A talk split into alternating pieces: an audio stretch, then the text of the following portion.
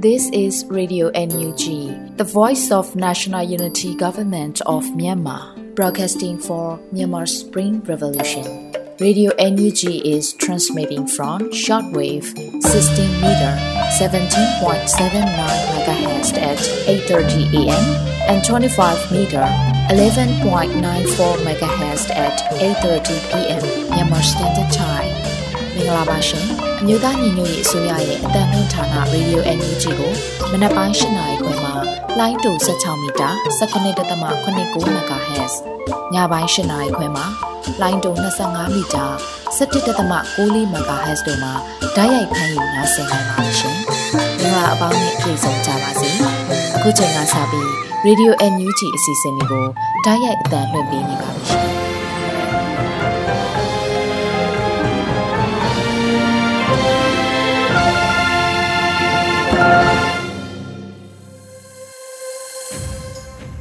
ဂလာမနက်ခင်းပါခင်ဗျာတောတာရှင်များနဲ့တကွမြန်မာနိုင်ငံသူနိုင်ငံသားအလုံးစိတ်ချမ်းသာလို့ကိုကြမ်းမာကြပါစေကြောင်းရေဒီယို UNG ဝိုင်းတော်သားတွေကဆုတောင်းမေတ္တာပို့တာပါတယ်ရေဒီယို UNG ရဲ့ဇူလိုင်လ25ရက်နေ့မနေ့ပိုင်းအတန်လွင့်စီစဉ်တွေကိုစတင်တော့မှာဖြစ်ပါတယ်ဥဆုံးအနေနဲ့ကာကွယ်ရေးဝန်ကြီးဌာနမှထုတ်ပြန်တဲ့နေ့စဉ်စက်ရေးသတင်းအကျဉ်းချုပ်တွေကိုမောင်ကျူးကတင်ပြပါတော့မယ်အမျိုးသားညီညွတ်ရေးအစိုးရကာကွယ်ရေးဝန်ကြီးဌာနကထုတ်ပြန်တဲ့နေ့စဉ်စည်ရေးသတင်းအကျဉ်းချုပ်ကို တင်ပြပါတော့မယ်ခင်ဗျာ။စီးမြရာရန်သူတပ်သားရှိဦးတည်ဆုံပြီးနှစ်ဦးဒဏ်ရာရရှိကြောင်းသိရှိရပါတယ်။အာနာသိန်းအကြမ်းဖက်စစ်တပ်နဲ့တိုက်ပွဲဖြစ်ပွားမှုသတင်းများကိုပထမဦးစွာတင်ပြပါမယ်ခင်ဗျာ။ချင်းပြည်နယ်မှာ2023ခုနှစ်ဇူလိုင်လ23ရက်နေ့ကကမ်ပလက်မြို့နယ်ဂရင်းချောင်းအနီးတွင်တပ်ချင်းတွေပြန်လာတဲ့အင်အား130ခန့်ပါရန်သူစစ်ကြောင်းနဲ့ချင်းကာကွယ်ရေးတပ်ဖွဲ့ကမ်ပလက်တပ်မဟာလက်အောက်ခံတူမီဝါကဝီတိုရီယာတရင်တို့ တနအီခွဲကျော်ကြာတိုက်ပွဲပြင်းထန်စွာဖြစ်ပွားခဲ့ပါတယ်။တိုက်ပွဲတွင်ရန်သူတပ်သား9ဦးကြာဆုံးပြီးအများအပြားထိခိုက်ဒဏ်ရာရရှိခဲ့က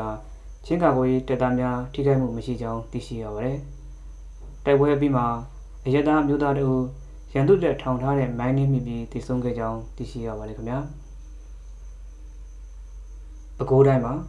ဇူလိုင်လ22ရက်နေ့ည9:00နာရီခန့်ကဖြူးမြို့နယ်အုပ်ဖြက်တရားမှာကင်းဆောင်နေတဲ့ရန်သူတပ်ဖွဲ့ဝင်များကို KNL ရုံးမစစ်ကြောင်းနှင့်ပူးပေါင်းစနိုက်ပါတပ်ဖွဲ့ကစနိုက်ပါဖြင့်တွားရပစ်ခတ်တိုက်ခတ်ခဲ့ရာရန်သူတပ်ဖွဲ့ဝင်တအုပ်တေဆုံးခဲ့ပြီးရန်သူဘက်ကလက်နက်ငယ်များဖြင့်ပြန်လည်ပစ်ခတ်ကြောင်းသိရှိရပါတယ်။ဇူလိုင်လ21ရက်နေ့ညနေ9:58မိနစ်ခန့်ကဖြူးမြို့နယ်ဝဲကြီးကျေးရွာစာတင်ကျောင်းထဲသို့ဝင်ရောက်နေထိုင်နေတဲ့ရန်သူတပ်ဖွဲ့ဝင်များကို KNL ရုံးမစစ်ကြောင်းပူးပေါင်းတပ်ဖွဲ့များကဒရုန်းဖြင့်တိုက်ခတ်ခဲ့ရာ ရန်သူတပ်ဖွဲ့ဝင်2ဦးသေဆုံးပြီး2ဦးဒဏ်ရာရရှိခဲ့ပါတယ်။အာဏာသိမ်းကျန်းဖက်စစ်တပ်ကကျူးလွန်တဲ့ရာဇဝတ်မှုများအကြောင်းကိုဆက်လက်တင်ပြပါမယ်ခင်ဗျာ။တနင်္လာရီတိုင်းမှာ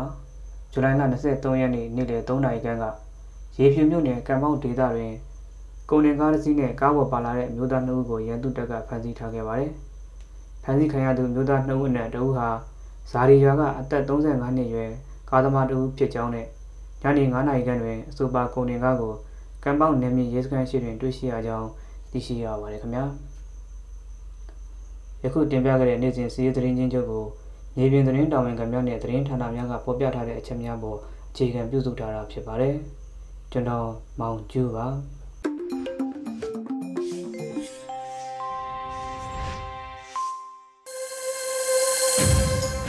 စစ်ရေးသတင်းများကိုနားဆင်ကြရတာဖြစ်ပါတယ် အခုတခါပြည်တွင်းသတင်းများကိုတော့ຫນွေဦးမိုင်ကဆက်လက်တင်ပြပါဦးမယ်ခင်ဗျာမင်္ဂလာပါရှင်အခုချိန်ကစပြီး Radio UNG ရဲ့ဇူလိုင်လ25ရက်နေ့မနက်ခင်းပြည်တွင်သတင်းများကိုဖတ်ကြားပေးပါတော့မယ်ကျွန်မຫນွေဦးမိုင်ပါပထမဆုံးအနေနဲ့ပြည်ထောင်နဲ့လူမှုကြီးကြပ်ဝင်ကြီးဌာနနဲ့မြို့နယ်ပြည်သူ့အုပ်ချုပ်ရေးအဖွဲ့များတွိတ်ဆုံဆွေးနွေးတဲ့သတင်းကိုတင်ပြပေးပါမယ်အမျိုးသားရင်ငွေရေးအစိုးရ ပြည်ထောင်နဲ့လူမှုကြီးကြပ်ဝင်ကြီးဌာနနဲ့ပဲခူးတိုင်း၊အေရဝတီတိုင်း၊ရန်ကုန်တိုင်း၊တနင်္သာရီတိုင်းရှိမြို့နယ်ပြည်သူ့အုပ်ချုပ်ရေးအဖွဲ့များတွိတ်ဆုံဆွေးနွေးမှုအစည်းအဝေး14မြင်းဆောင်2023ကိုဇူလိုင်24ရက်ကကျင်းပခဲ့ပါတယ်။အစည်းအဝေး၌ပြည်ထောင်နဲ့လူမှုကြီးကြပ်ဝင်ကြီးဌာန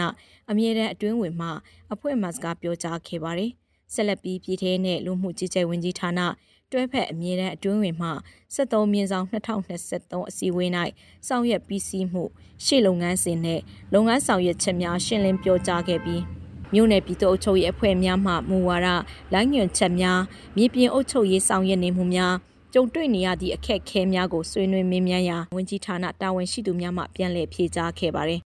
အစည်းအဝေးသို့အမြဲတမ်းအတွင်းဝင်မှဦးဆောင်ကတွဲဖက်အမြဲတမ်းအတွင်းဝင်များပြည်သူ့အုပ်ချုပ်ရေးဦးစီးဌာနပြည်သူ့ရဲတပ်ဖွဲ့ မိသက်ဦးစီးဌာနလူမှုကြီးကြပ်ရေးဦးစီးဌာန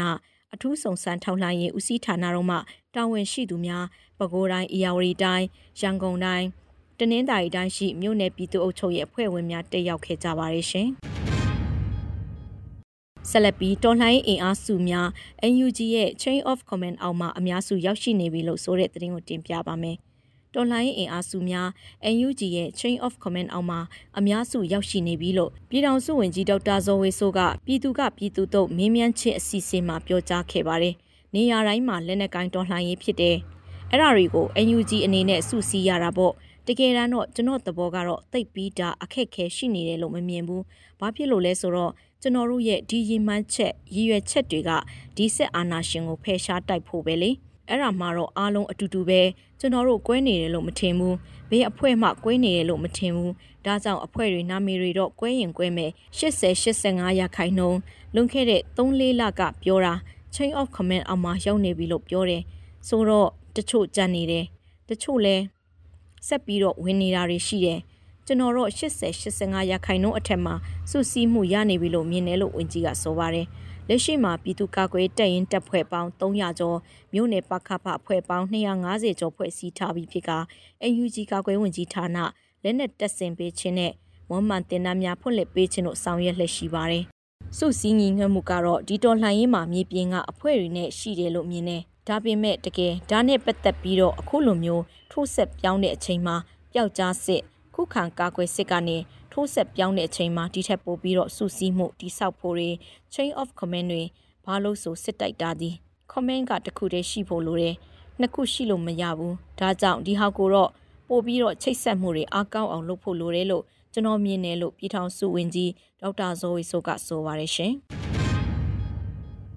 ဂျာကာလာဒီတန်တရပြည်သူ့အုပ်ချုပ်ရေးဖော်ဆောင်မှုဗဟိုကော်မတီနဲ့စကိုင်းတိုင်းရှိမြို့နယ်ပြည်သူ့အုပ်ချုပ်ရေးဖွဲ့များတွိတ်ဆုံဆွေးနွေးပွဲကျင်းပတဲ့တဲ့ရင်ကိုဆက်လက်တင်ပြပါမယ်။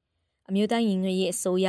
ဂျာကာလာဒီတန်တရပြည်သူ့အုပ်ချုပ်ရေးဖော်ဆောင်မှုဗဟိုကော်မတီနဲ့စကိုင်းတိုင်းမြို့နယ်ပြည်သူ့အုပ်ချုပ်ရေးဖွဲ့များတွိတ်ဆုံဆွေးနွေးပွဲအစည်းအဝေး29မြင်းဆောင်2023ကိုဇူလိုင်လ24ရက်ကကျင်းပခဲ့ပါတယ်။အစည်းအဝေးတွင်ဂျာကာလဒေသန္တရပြည်သူ့ချုပ်ရေးဖော်ဆောင်မှုဗဟိုကော်မတီအတွင်းရေးမှူးအဖွဲ့ဝင်ပြည်ထောင်စုဝန်ကြီးချုပ်ယုံအမြဲတမ်းအတွင်းဝင်မှအဖွဲ့မှစကားပြောကြားခဲ့ပါတယ်။ ထို့နောက်တက်ရောက်လာသောဝန်ကြီးဌာနများမှဌာနနှင့်သက်ဆိုင်သည့်လုပ်ငန်းများအားမှာကြားဆောင်ရွက်ခဲ့ပြီးခရိုင်ပြည်သူ့အုပ်ချုပ်ရေးအဖွဲ့များမှမြေပြင်လုပ်ငန်းဆောင်ရွက်ချက်များအားချပြရှင်းလင်းပြောကြားခဲ့ပါတယ်။ဆက်လက်ပြီးမြို့နယ်ပြည်သူ့အုပ်ချုပ်ရေးအဖွဲ့ဝင်များမှမူဝါဒလိုင်းညွှန်ချက်များလုပ်ငန်းဆောင်ရွက်ချက်များမြေပြင်အခက်အခဲများနဲ့ပတ်သက်၍သိရှိလိုသည့်များကိုမေးမြန်းခဲ့ပါဝင်ကြီးဌာန၏တာဝန်ရှိသူများကပြန်လည်ဆွေးနွေးဖြေကြားခဲ့ပြီးနောက်ကြားကာလဒေသန္တရပြည်သူ့အုပ်ချုပ်ရေးဖော်ဆောင်မှုဗဟိုကော်မတီအဖွဲ့ဝင် စီးပွားရေးနဲ့ကုတန်းရောင်းဝယ်ဝင်ကြီးဌာနပြည်ထောင်စုဝန်ကြီးဒေါ်ခင်မမမျိုးမှညီကုန်းချုပ်စကားပြောကြားခဲ့ပါတယ်။အစည်းအဝေးသို့ပြည်ထောင်စုဝန်ကြီးများအမြဲတမ်းအတွင်းဝင်များတွဲဖက်အတွင်းဝင်များဝင်ကြီးဌာနအသီးသီးမှတာဝန်ရှိသူများစကိုင်းတိုင်းရှိမြို့နယ်ပြည်သူ့အုပ်ချုပ်ရေးအဖွဲ့ခေါင်းဆောင်များအဖွဲ့ဝင်များတက်ရောက်ခဲ့ကြပါရရှင်။ဆက်လက်ပြီးအမေရိကန်နိုင်ငံတက္ကဆက်ပြည်နယ်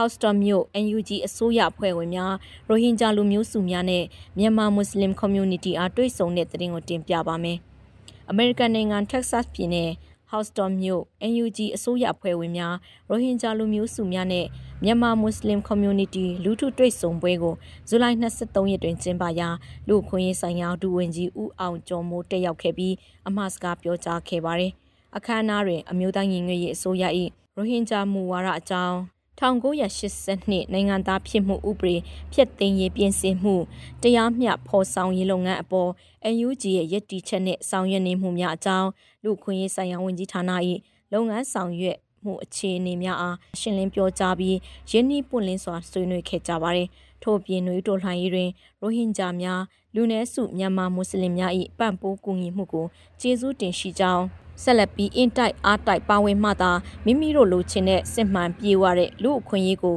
အခြေတည်သောဒီမိုကရေစီစနစ်ကိုရရှိနိုင်မည်ဖြစ်ကြောင်းတိုက်တွန်းပြောကြားခဲ့ပါတယ်။အဆိုပါအခမ်းအနားကိုအမျိုးသားညီညွတ်ရေးအစိုးရလူသားချင်းစာနာထောက်ထားရေးနဲ့ BNN ဆိုင်ရာစီမံခန့်ခွဲဝင်ကြီးဌာနပြည်ထောင်စုဝန်ကြီးဒေါက်တာဝင်းမြတ်အေးနိုင်ငံခြားရေးဝန်ကြီးဌာနဒုဝန်ကြီးဦးမိုးစောဦးနဲ့အမျိုးသားရင်ငွေရေးအစိုးရ၏ပြောရေးဆိုခွင့်ရှိသူဦးကျော်စောတို့လည်းတက်ရောက်ခဲ့ပါတယ်ရှင်။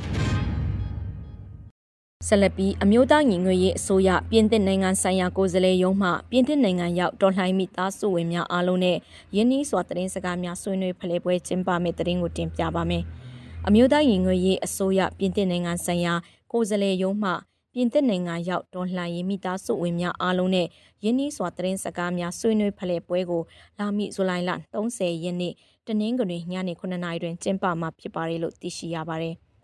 ကိုယ်စားလှယ်ယုံဤတစ်နှစ်တာဆောင်ရွက်ချက်များကိုတင်ပြဆွေးနွေးခြင်းအပြင်အမျိုးသားညီညွတ်ရေးအစိုးရ၏ SDB အကြောင်းစိတ်ဝင်စားသူများရှိပါကလည်းတက်ရောက်မေးမြန်းနိုင်တယ်လို့ဆိုထားပါတယ်အဆိုပါတွေ့ဆုံပွဲကို Zoom မှတဆင့်ပြုလုပ်မိဖြစ်ပါသဖြင့်စိတ်ပါဝင်စားသူများ ID ကုတ်နဲ့ password ကိုပြင်သစ်ကိုယ်စားလှယ်ရုံး Messenger မှတဆင့်ဆက်သွယ်တောင်းယူနိုင်ကြောင်းအသိပေးကြေညာထားပါတယ်ရှင်။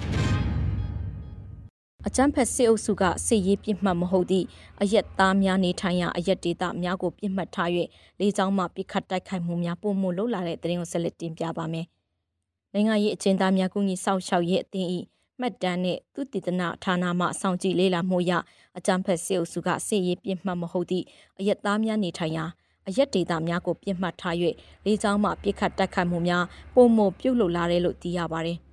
ပြီးခဲ့သည့်သတင်းပတ်များအတွင်းနိုင်ငံတော်ဝန်၌အကြမ်းဖက်စစ်အုပ်စုက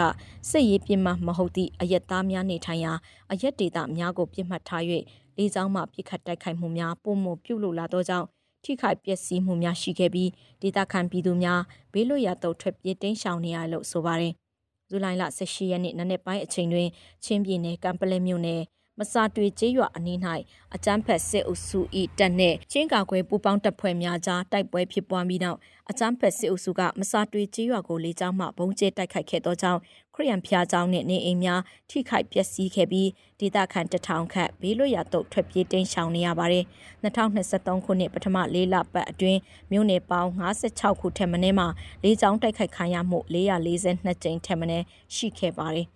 ဒီကာလအတွင်းဖြစ်ခဲ့တဲ့တိုက်ပွဲတွေနဲ့လေကြောင်းတိုက်ခိုက်မှုတွေအတွင်းမှာအရက်သား693ဦးထက်မနည်းသေဆုံးခဲ့ရပါတယ်ရှင်။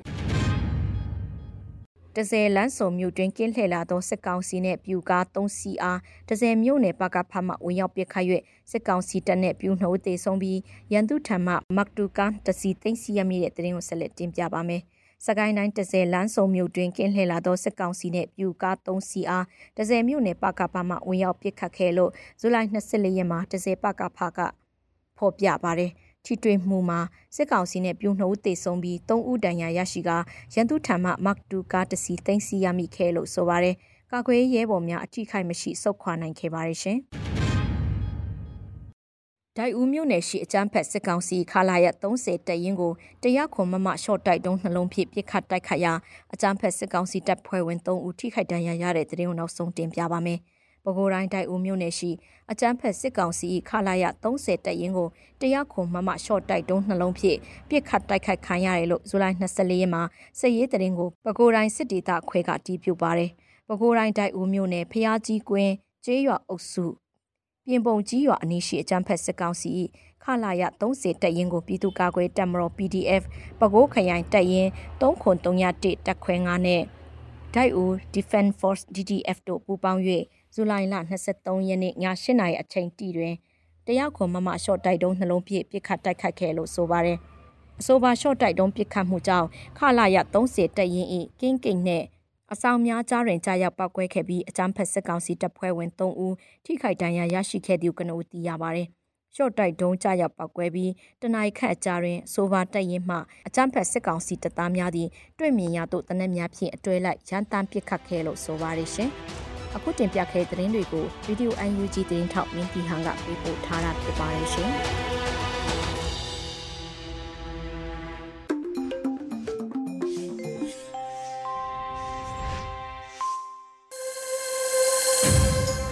ဗီဒီယိုအန်ယူဂျီရဲ့ဇူလိုင်လ25ရက်နေ့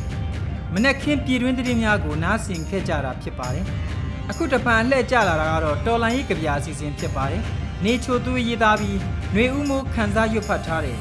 စစ်အင်ဂျီမှုကြီးဆိုတဲ့တော်လန်ရေးကြပြကိုနားဆင်တော်မူကြပါခင်ဗျာ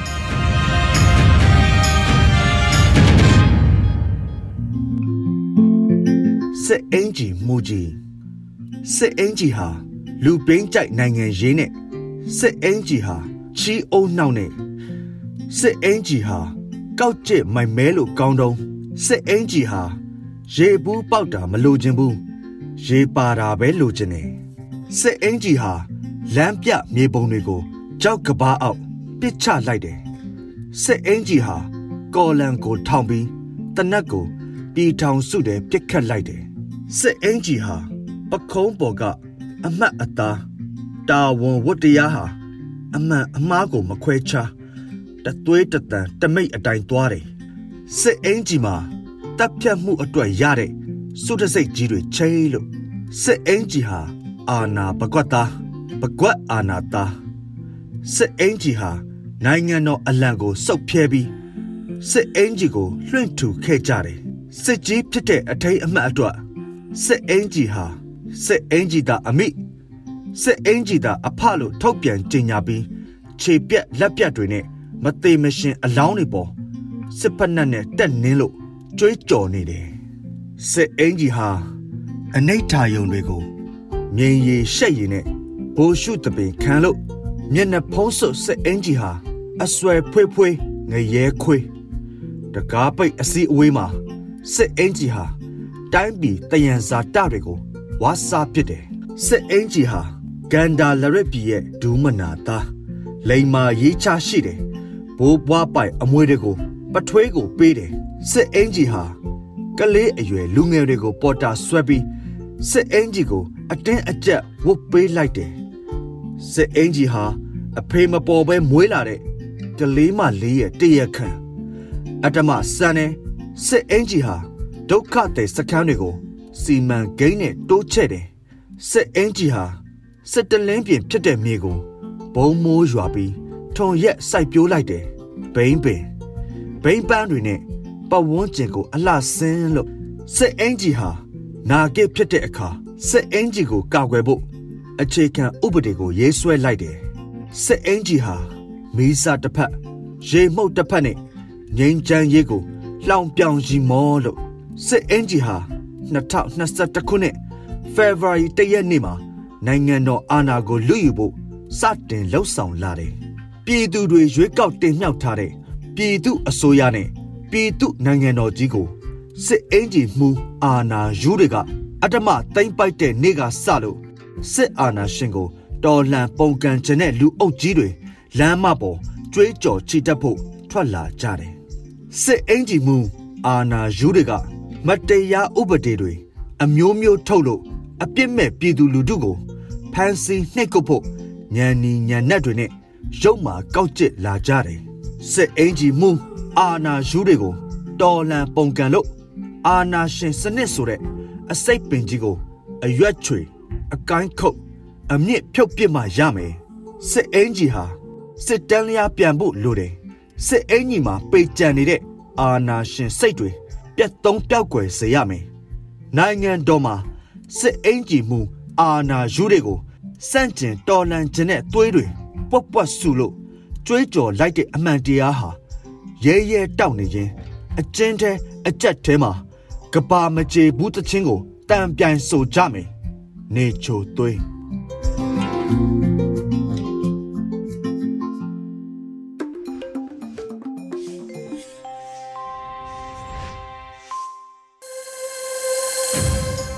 တော်လိုင်းရေးကြပြအစီအစဉ်ကိုထုတ်လွှင့်ပေးခဲ့တာဖြစ်ပါတယ် အခုတခါ PPTV ရဲ့နေ့စဉ်သတင်းများကိုတော့ထက်ထက်အိန္ဒြာအောင်ကတင်ပြပါတော့မယ်ပထမအဆုံးတင်ဆက်ပေးမယ့်သတင်းကတော့ကြောက်တကားမြို့နယ်နန်းစားကြီးရွာတိုက်ပွဲမှာအကြမ်းဖက်စစ်တပ်က42ဦးသေဆုံးတယ်လို့ကာကွယ်ရေးဝန်ကြီးဌာနထုတ်ပြန်တဲ့သတင်းကိုတင်ဆက်ပေးပါမယ်။ ပဲခူးတိုင်းကြောက်တကားမြို့နယ်နန်းစကျေးရွာအနီးမှာဖြစ်တဲ့တိုက်ပွဲအတွင်းအကြမ်းဖက်စစ်တပ်က42ဦးသေဆုံးပြီး40ဦးဒဏ်ရာရရှိတယ်လို့ကာကွယ်ရေးဝန်ကြီးဌာနပြည်သူ့ကာကွယ်ရေးတပ်မတော် PDF စစ်ရုံးချုပ်ကဒီကနေ့မှသတင်းထုတ်ပြန်ပါတယ်။ထုတ်ပြန်ချက်ထဲမှာဇူလိုင်လ19ရက်ည7:00နာရီခန့်မှာနန်ဇဂျီယာနာကိုအကြမ်းဖက်စစ်တပ်ရဲနဲ့ပြူစောတိအင်အား400ခန့်ပါစစ်ကြောင်းနှစ်ကြောင်းနဲ့ဖြန့်ခွဲပြီးဝင်ရောက်လာတဲ့အတွက် ကရင်မျိုးသားလွတ်မြောက်ရေးတပ်မတော် KNLA ပြည်သူ့ကာကွယ်ရေးတပ်မတော် PDF မဟာမိတ်ပူးပေါင်းတပ်များနဲ့တိုက်ပွဲအပြင်းထန်ဖြစ်ပွားခဲ့တယ်လို့ဖော်ပြထားပါတယ်။တိုက်ပွဲဖြစ်ပွားချိန်တနအီကန်အတွင်းရန်သူတပ်ရဲ့ဗိုလ်ကြီးအဆင့်အပါအဝင်33ဦးသေဆုံးပြီးတော့တရင်မှုအပါအဝင်48ဦးခန့်ထိခိုက်ဒဏ်ရာရရှိခဲ့တယ်လို့စစ်ရုံးချုပ်ကထုတ်ပြန်အသိပေးထားပါတယ်။အကြမ်းဖက်စစ်တပ်ရဲ့ထိခိုက်ဒဏ်ရာရရှိသူ48ဦးအနက် 20ဦးကိုအတွင်းလူနာအဖြစ်နဲ့တောင်ငူဆေးရုံမှာတက်ရောက်ကုသနေကြောင်းသိရှိရပြီးတော့ဆေးရုံအရောက်မှာရန်သူတပ်သား10ဦးထပ်မံသေဆုံးတယ်လို့ဖော်ပြထားပါတယ်။တိုက်ပွဲအတွင်း KNLA PDF မဟာမိတ်ပူးပေါင်းတပ်တွေကရဲဘော်တအူ Federal Democracy နိုင်ငံသစ်အတွက်အသက်ပေးလှူခဲ့ရပြီးတော့တအူထိခိုက်ဒဏ်ရာရရှိခဲ့တယ်လို့လည်းပြည်သူ့ကာကွယ်ရေးတပ်မတော် PDF စစ်ရုံးချုပ်ရဲ့ထုတ်ပြန်ချက်မှာဖော်ပြထားပါတယ်။ အခုတခါတင်ဆက်ပေးမှာကတော့အကြမ်းဖက်စစ်တပ်ရဲ့သွေးစွန်းငွေတွေကိုဖျက်တောက်တဲ့တိုက်ပွဲမှာမိဂုံရန်ကုန်ပါဝင်ကြဖို့ဒေါက်တာတီဆာဆန်တိုက်တွန်းလိုက်တဲ့သတင်းမှာအကြမ်းဖက်စစ်တပ်စီကိုစီးဆင်းနေတဲ့သွေးစွန်းငွေတွေကိုဖျက်တောက်တဲ့တိုက်ပွဲမှာပြည်သူတွေနဲ့အတူမိဂုံရန်ကုန်ပါဝင်ပေးကြဖို့အတွက်တပိတ်ခေါင်းဆောင်ဒေါက်တာတီဆာဆန်ကပြောကြားလိုက်ပါတယ်။ ဒီမိုကရေစီရေးတက်ကြွလှုပ်ရှားသူတွေဖြစ်တဲ့ကိုချင်းမီကိုဖြိုးစရာတော်တို့အပါအဝင်ကိုလှမျိုးအောင်နဲ့ကိုအောင်သူရစောတို့ကြဆုံးခဲ့တာတနစ်ပြည့်ဖြစ်ပြုလုပ်တဲ့သူရဲကောင်းတို့မျှော်ရည်ချက်ပြည်သူအားနဲ့ဆက်ချီတက်အမိပေးထားတဲ့အခမ်းအနားမှာအခုလိုမျိုးပဲထည့်သွင်းပြောကြားလိုက်တာပါအကြမ်းဖက်စစ်တပ်ရဲ့သွေးစွန်းငွေဖျက်တောက်ခြင်းပြည်သူငွေများတပြားတစ်ချက်မှအကြမ်းဖက်စစ်တပ်စီမရောက်ရေးပြည်ရင်းပြည်ပမှာဗန်နာငွေများမရောက်ရှိအောင်လှုပ်ဆောင်ခြင်းဖြင့်ဗန်နာရေးတိုက်ပွဲစီးပွားရေးတိုက်ပွဲမှာ မိဂုံရန်ကုန်ပါဝင်ပေးကြပါလို့ပြောကြားကြောင်းအာဇာနည်များအောင်းမေခြင်းအခမ်းအနားကနေတနိုင်ငံလုံးတကမ္ဘာလုံးကပြည်သူတွေကိုအသိပေးတင်ပြခြင်းပါတယ်လို့ဒေါက်တာတေဇာဆန်းကပြောကြားခဲ့ပါတယ်။အကြမ်းဖက်စစ်တပ်ကိုကဘာကြီးကစီးပွားရေးပိတ်ဆို့အရေးယူနေမှုတွေကအတော်လေးကိုထိခိုက်နေပြီဆိုတာနဲ့အဲ့လိုဖြစ်နေတဲ့အတွက်2000တန်တွေကိုထုတ်နေတဲ့အခြေအနေကိုရောက်ရှိနေပြီလို့ပြောကြားထားပါတယ်။ပြည်သူတွေအနေနဲ့စီးပွားရေးတိုက်ပွဲစာမျက်နှာကိုအလေးထားကြဖို့နဲ့ အကြမ်းဖက်စေအုပ်စုစီကိုပြည်သူငွေတွေတပြားတစ်ချက်မှရောက်မသွားစေရေးအတွက်ဂယုစိုက်ဆင်ခြင်ကြဖို့အတွက်ကလည်းအရေးအကြီးဆုံးဖြစ်တယ်လို့ဒေါက်တာတီဆာဆန်ကပြောကြားခဲ့ပါတယ်။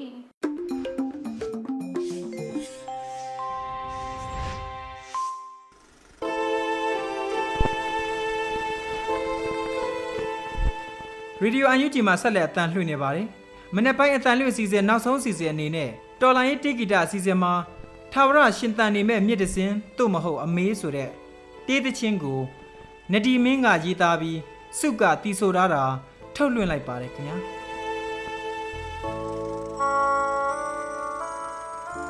လူတိုင်းလူတိုင်းဟာလောဘဒေါသမောဟဆိုတာရှိကြတယ်ပေါ့နော်အဲ့တော့လောဘဆိုတာဟာမျိုးရိုးလေးပြောရင်လူချင်းမှုပဲလူချင်းတတ်မဲ့မှု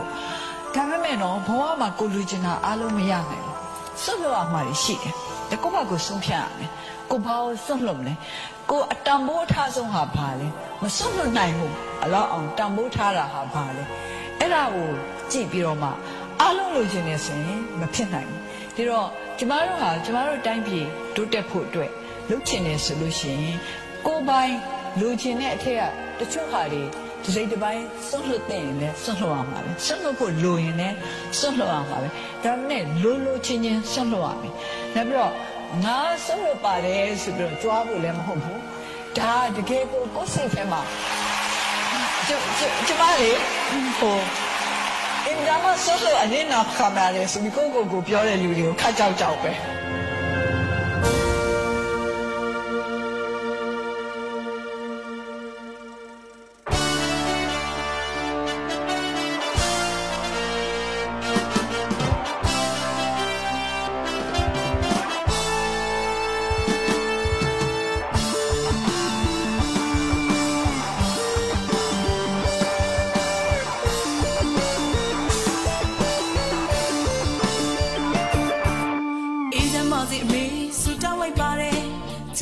စေအမေဆူတောင်းလိုက်ပါတယ်ချမ်းသာပါစေအမေဆူတောင်းလိုက်ပါတယ်အေးချမ်းသာစေအမေဆူတောင်းလိုက်ပါတယ်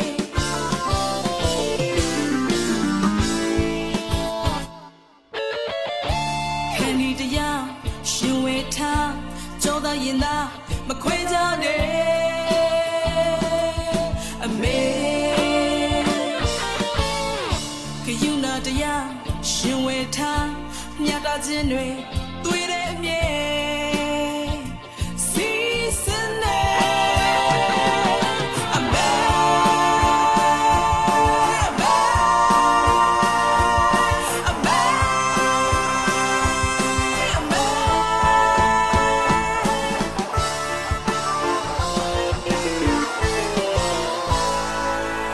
Summer tonight, me yeah you need it.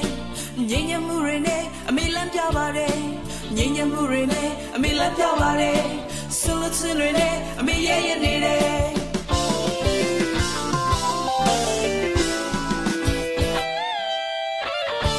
အမတရားယုံကြည်ထားလောကလူသားအလုံးတွေ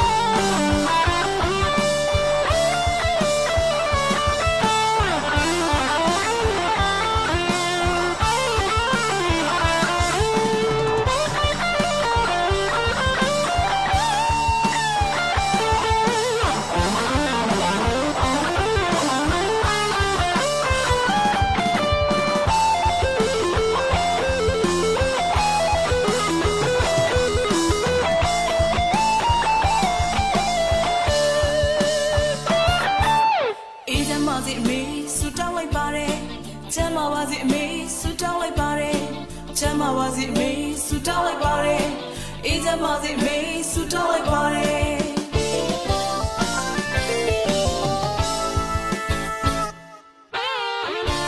ခန္ဒီတရားရှင်ဝေထားကြောသာရင်သာမခွဲကြနဲ့အမေကယူနာတရားရှင်ဝေထားမြတ်တာခြင်းတွေတွေ့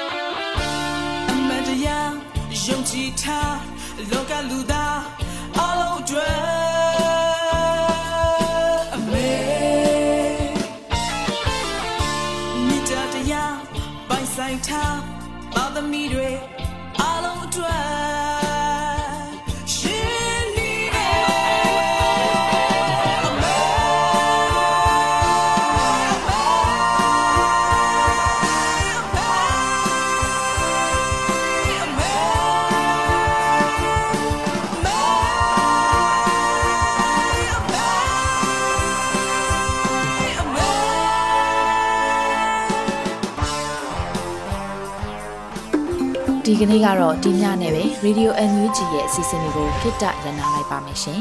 မြန်မာစံတော်ချိန်မနက်၈နာရီခွဲနဲ့ည၈နာရီခွဲအချိန်တွေမှာပြန်လည်ဆုံတွေ့ကြပါစို့ Radio NUG ကိုမနက်ပိုင်း၈နာရီခွဲမှာလိုင်းတူ16မီတာ17.8 MHz ညပိုင်း၈နာရီခွဲမှာ